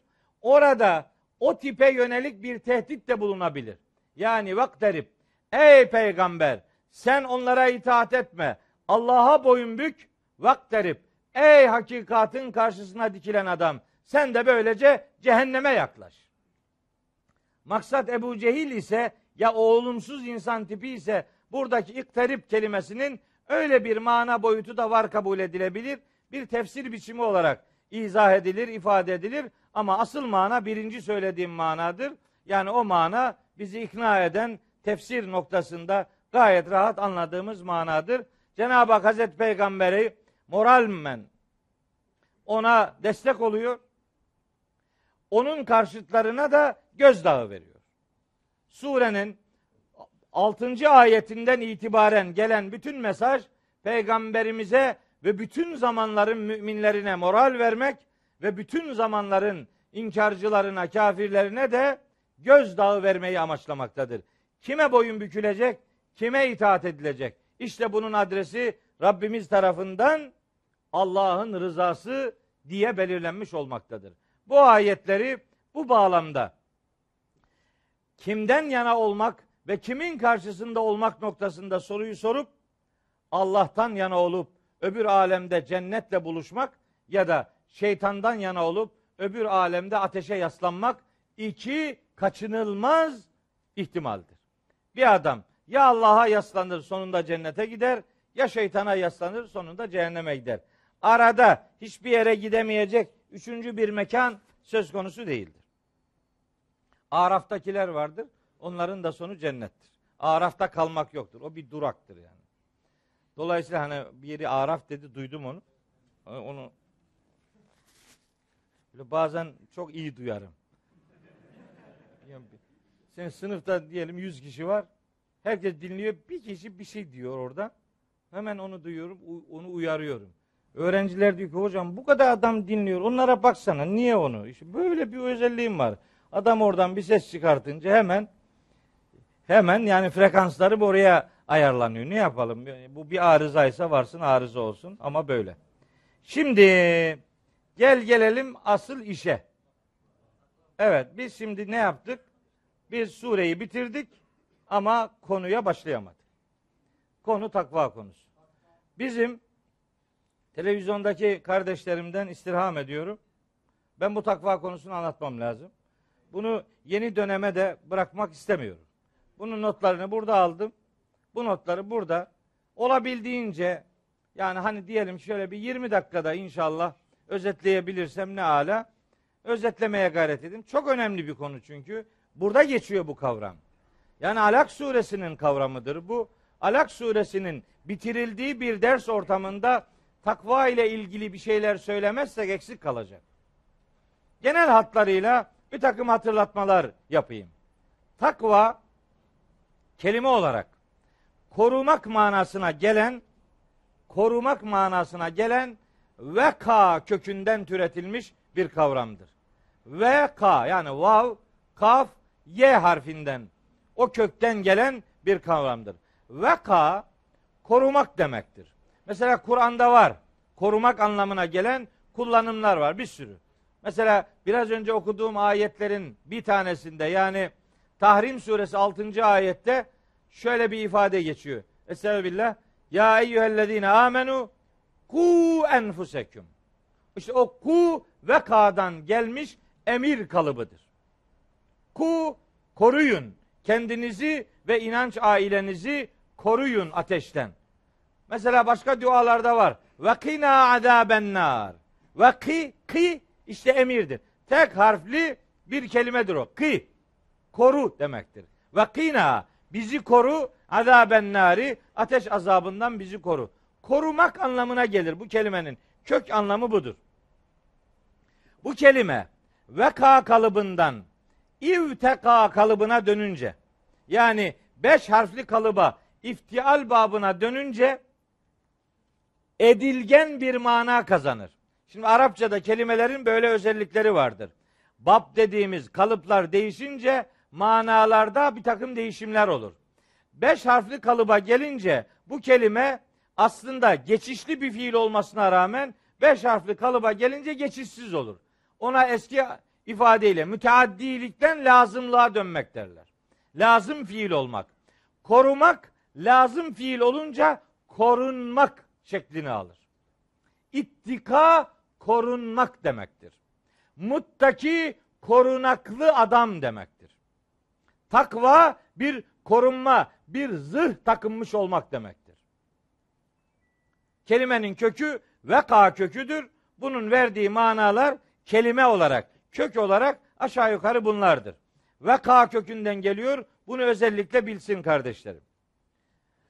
Ancak ittekullah ifadeleri var Kur'an-ı Kerim'de çok.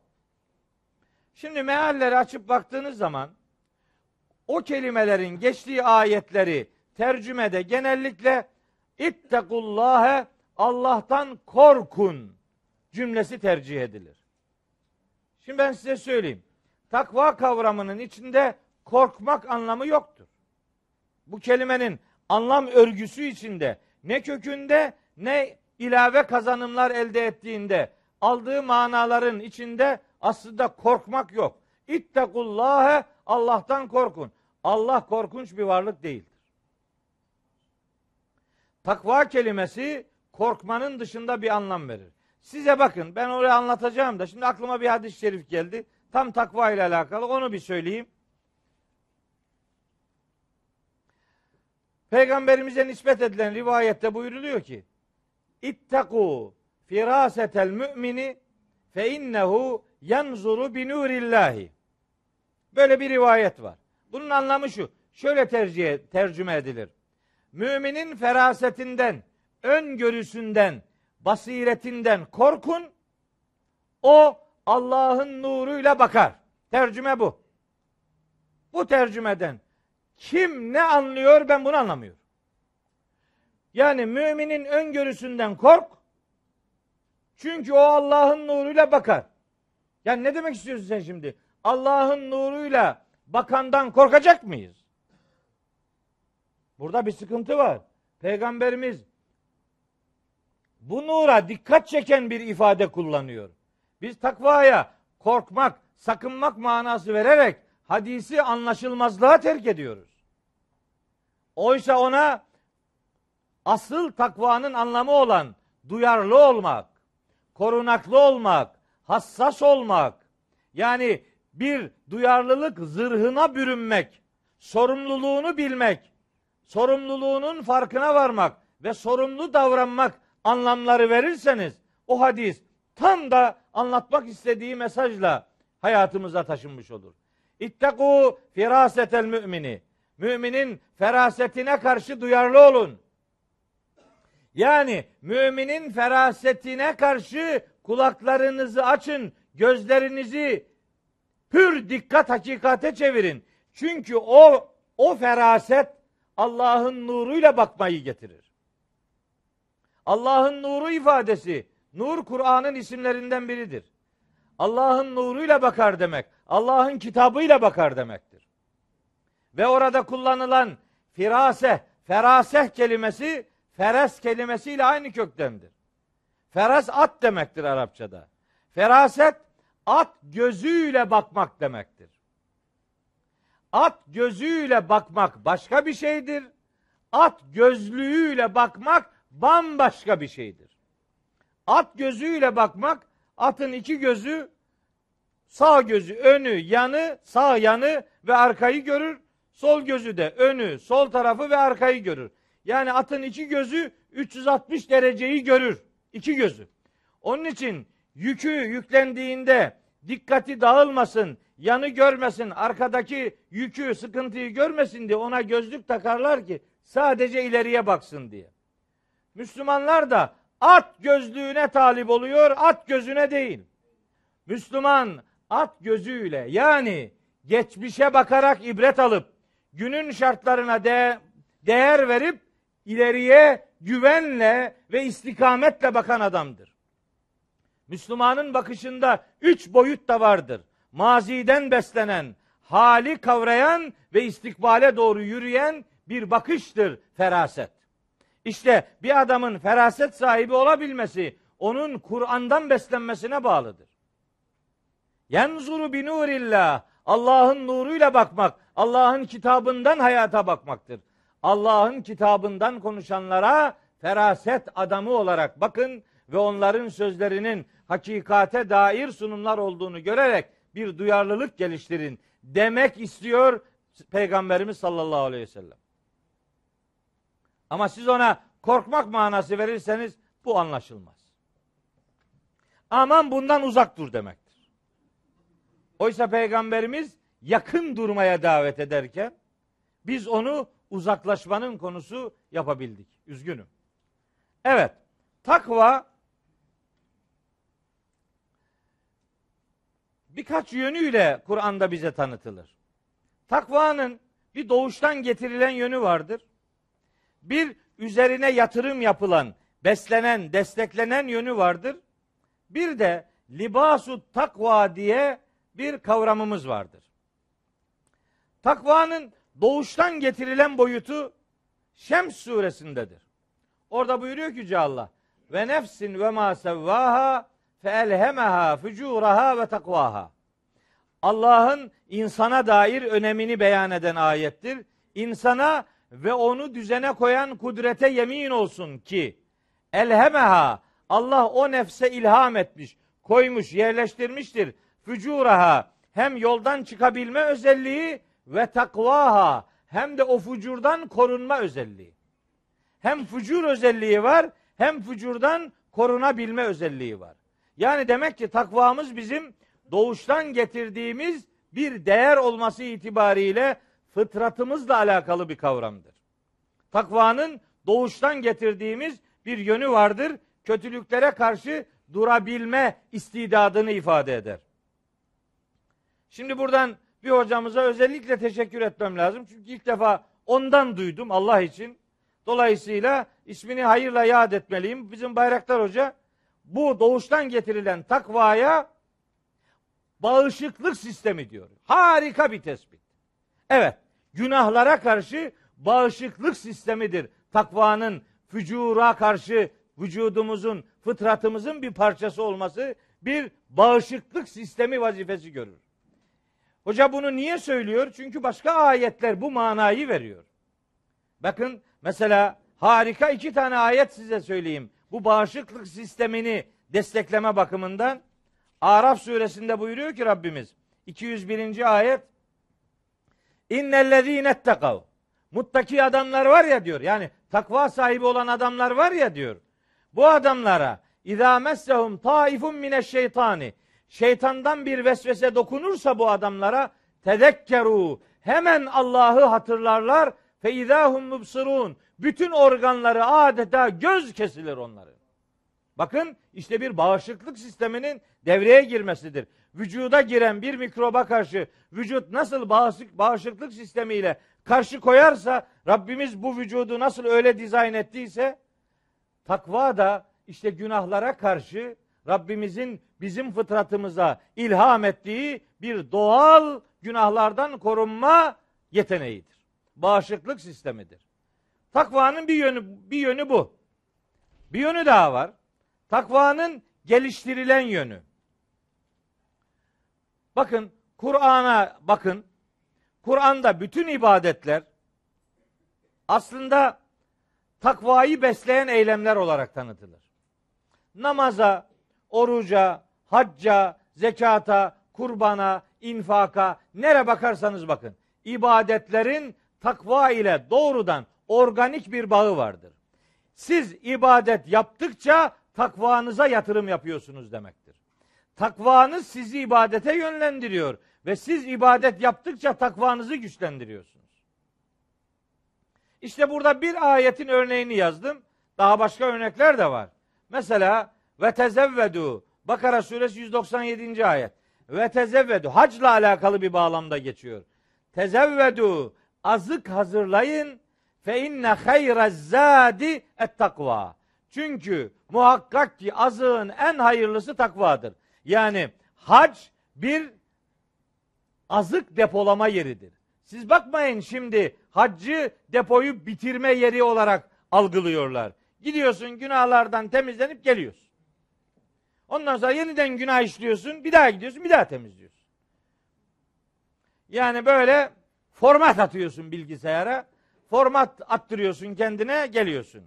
Filan yeni yeni bir günaha kendini programlıyorsun adeta. Bu sıkıntılı bir kavrayış. Kur'an'ın hacdan anladığı bu değildir.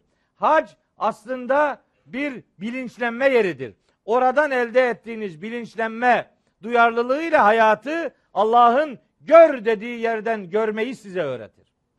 Onun için bakın takvaya Allah en hayırlı azık diyor. Bu takvanın geçtiği yer hac ibadetidir. Demek ki hac bir azık depolama yeridir.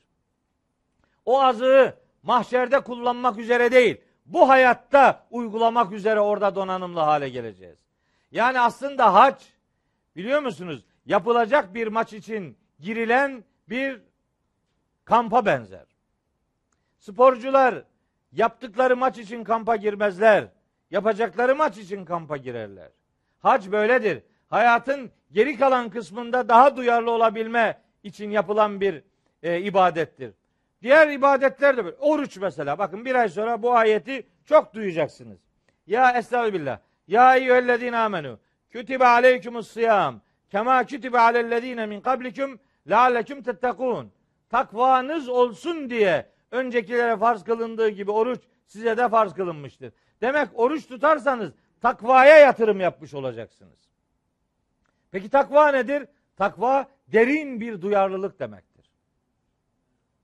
Oradaki takvaya korunmak manası verirseniz en iyi korunmak hayata hiç katılmamaktır deyip Ramazan'da adam iznini alıyor, eve kapanıyor, Ramazan'ı evde geçiriyor. Niye? Çünkü diyor ki bulaşmayalım günahlara. Hayır, oruçla hayata gireceksin. Hazreti Peygamber vahiy aldığında Allahu Teala onu vahiy aldığı mağarada bırakmadı. Onu Mekke'ye gönderdi. Oruç hayata yansıtılırsa anlamlı olacaktır. Yani oruç seni tutarsa sen oruç tutuyorsun da oruç seni tutamıyor ki. Niye? Sahura kadar ayakta duruyor. Sahurdan sonra yatıyor, ikindiyi kalkıyor. İkindiyi kalkan adam elini yüzünü tak yıkıyor, akşam oluyor. Ondan sonra diyor ki elhamdülillah bu sene Ramazan bana hiç dokunmadı. Ben de diyorum ki sen ona hiç dokunmadın ki o da sana dokunsun. Böyle paralel gidiyorsunuz. Yan yana gidiyorsun. Ya çakışmıyor yollarınız. Evet. Paralel kelimesini de kullanamaz olduk. Yani işte böyle bir, bir şey var yani ne yapayım? Kelimeler kelimeler sıkıntıya girdi hayatımızda ama biz bildiğimiz hakikati söyleyeceğiz elbette. Mesela kurbanla ilgili ayete bakın.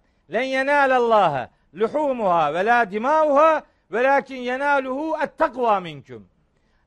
Hayvanların etleri de kanları da Allah'a ulaşmaz. Sizin takvanız ona ulaşır. Bakın kurban takvaya endeksli bir ibadettir. Hani Habil Kabil olayı anlatılır ya Maide suresinde. Habil der ki Kabil'e innema yetekabbelullahu minel muttakin. Allah muttakilerin kurbanını kabul eder. Bakın kurban, takva, muttakilik yan yana geliyor. Daha örneklerini çoğaltabilirim ama gerek yok. Demek ki muttakilik ibadetlerle beslediğimiz bir boyutuyla takva kavramı hayatımızdadır. Böyle takvayı başka şekille şekilsel görüntülere indirgemek Kur'ani bir beslenmeye oradan referans almaya müsait değildir. Takvanın bir üçüncü boyutu var ki ona da libas boyutu deriz. Araf suresinin 26. ayeti. Ya beni Adem kad enzelna aleyküm libasen yuvari sevatikum ve rişa ve libasu takva zalike hayrun. Ya ey Adem oğlu size kullanımınız ve süslenmeniz için elbise kullanımını biz öğrettik. Enzelna aleyküm size indirdik diyor ayette. Bizimkiler diyor ki elbiseler başka bir gezegenden geldi. Demir demirle ilgili de indirme ifadesi var Hadid suresinde. Demirin başka gezegenden geldiğini söylemeye benziyor bu. Enzelenin ikram manası var. Size elbise kullanımını ikram ettik demektir bu. Demiri kullanmayı size ikram ettik. Yani demiri sizin hizmetinize sunduk demektir. Burada da ayette elbiseyi size başka bir yerden getirdik değil. Onun kullanımını size ikram ettik. Örtünüyorsunuz ve süs oluyor kendinize. Fakat unutmayın ve libasut takva. Asıl takva elbisesidir. Zalike hayrun. Hayırlı olan budur. Yani şeklen örtünmeniz ruhunuzu takva örtmemişse şekil örtünmesi sonucu getirmez. Bu takva elbisesi ruhunuzu bürümemişse şekilsel örtünmeler Kur'an'ın dediği tesettürü karşılamaz. Buradan hareketle madem ruhu örtünmemiştir gerisini de örtmesine gerek yoktur demiyorum. Sakın ha böyle bir algı asla ve kata söylemiyorum. Yüzmek öğrenmek için suya dalmak lazım. Havuzun kenarına gelip ben sudan boğulurum, su yutarım, korkuyorum, yüzmeyi ben evde koltukta yatarak öğreneceğim diyen yüzmeyi öğrenemez. Yüzme öğrenmek için suya girmek lazım. Libasu takvaya ulaşmanın yolu örtünmeye devamdan geçer. Sanatın zirvesine ulaşmak için sanata devam etmek lazım. En iyi sanatkar sanatını icra ede ede elde ettiği sonuca göre bu ismi alır. Namazın ideal olanı Allah'la buluşabileceğin bir duyarlılığa gelmektir. Ben Allah'la buluşamıyorum, namaza gerek yoktur denemez. Namaz kıla kıla o duyarlılığa ulaşacağız Allah'ın izniyle. Kılmaya kılmaya olmaz. Evet, libasut takva, şimdi bazı örtülü kardeşlerimiz var. Mesela öyle öyle örtünüyor ki davet ediyor. Her ümmet Muhammed bana baksın diyor. Öyle bir şeyler giyiniyor. Öyle acayip kokular sürünüyor ki. Öyle bir acayip ayakkabı giyiyor ki pat güt pat güt gürültülü bir şekilde geliyor. Bir tabur geliyor geliyor gibi. Niye? Aslında sen ziynetini gizlemekle yükümlü tutulmuştun. Örtünü açılmanın aracı yapma. Dikkat çekici bir üslupla değil. Sana haram gözlerin ulaşmasını engelleyecek bir duyarlılıkla bu tesettür görevini yerine getirmeye gayret etmek lazım. Libasut takva bu anlamda ruhu örten bir bilinç halidir. Takvanın üçüncü boyutu budur. Peygamberimiz takva ile ilgili çok nefis ifadeler kullanmış. Bakın kalbi işaret ederek peygamberimiz buyuruyor ki Ela takva hahuna. Takva buradadır. Yani fıtratınızla buluşmuşsanız muttakisiniz. Fıtratınızla buluşmadan takvaya ulaşamazsınız. Oradaki hahuna kalbi işaret, Kur'an'ın kalp dediği şey de insanın akıl ve iradesinin bulunduğu merkez. Yani bizim fıtrat dediğimiz şey.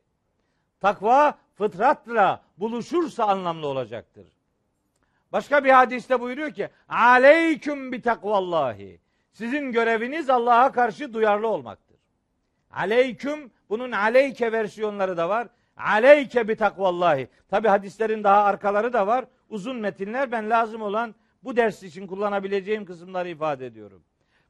Başka bir hadiste buyuruyor ki Usiküm bi takvallahi. Sizi Allah'a karşı muttaki olma noktasında bilinçlendiriyorum. Size vasiyetim, tavsiyem budur.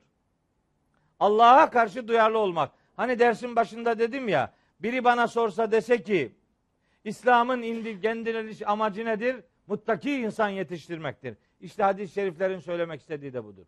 Usiküm bi takvallah. Sizi Allah'a karşı duyarlı olmaya davet ediyorum demek istiyor Peygamberimiz. Başka bir hadisinde buyuruyor ki el ilmu el haşyetu ve takvallahi. Gerçek ilim derin saygıya dönüşen ve Allah'a karşı duyarlılık getiren ilimdir. Çok bilgi sahibi olmak alim olmaya yetmez. Çok bilgi sahibi olmak adamı malumat sahibi yapar. Alim olmak ilmini haşyete dönüştürmeye ve muttaki olmaya hizmet ediyorsa bu ismi alınmasına vesile olur. Ve başka bir hadis-i şerif. Bu keramül mümini takvahu. Orada vav çıkmış o re olacak. Keramül mümini takvahu. Mümin, müminin şerefi, onuru, izzeti, haysiyeti, itibarı onun takvasıdır diyor peygamberimiz. İşte peygamberimiz bunları niye söylüyor biliyor musunuz? Peygamberimizin sözleri Kur'an'dan anladıklarıdır. Bunu zaman zaman söylüyorum. Pe- eğer bir söz peygamberiminse o sözün Kur'an'dan mutlaka bir referansı vardır. Eğer Kur'an'dan referanslı değilse o rivayete karşı mesafeli durmak gerekir. Çünkü peygamberimizin hikmet dediğimiz şeyler Kur'an'dan anladığı hikmet damlacıklarıdır yani. O pe- peygamberimizin bu sözleri söylemesinin sebebi Hücurat suresinin 13. ayetidir. Orada buyuruyor ki Rabbimiz İnne ekremeküm indallahi etkâküm. Sizin Allah katında en kıymetli olanınız Allah'a karşı en çok duyarlı davrananınızdır. Evet. Diyorum takva kavramını Efendimizin takva ile ilgili sözlerini takvanın boyutlarını bu şekilde beyan edeyim. Sonra muttaki kimdir? Muttakilerin Kur'an'daki özellikleri nelerdir? Ve takvanın sonuçları nelerdir kısmını Müzzemmil suresinin 17 veya 18. ayetini anlatacağımız derse bırakayım. 17. ayeti Müzzemmil suresinin 17. ayetini işlerken inşallah orada tettekun ifadesi gelecek. Takvanın bu kalan muttaki kimdir? Muttakilerin özellikleri nelerdir? Ve takvanın sonuçları nelerdir? Kısmını inşallah Müzzemmil suresi 17. ayette sizlere aktarmaya gayret edeceğim. bu vesileyle 15. dersimizi yapmış olmanın huzurunu taşıyorum. Bu huzurla inşallah Samsun'a döneceğim.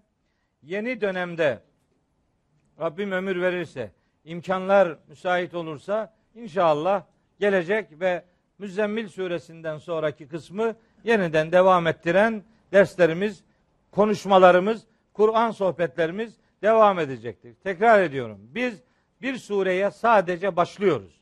Sureler bitmiyor. Sureler hayatınıza aktarıldığı kadar işlevsel olacağı için biz bir başlangıç yapıyoruz. Devamını siz diğer okumalarınızla ve diğer takibatınızla getireceksiniz. Allahu Teala sizi de bizi de rızasından ayrı koymasın ve Cenab-ı Hak bu alemi ahiret için azığını, ibadet ve takva azığını şekillendirmiş ve temin etmiş olanlardan eylesin diyor. Hepinizi bir dahaki buluşmaya kadar Allah'a emanet ediyorum. Allah yar ve yardımcınız olsun.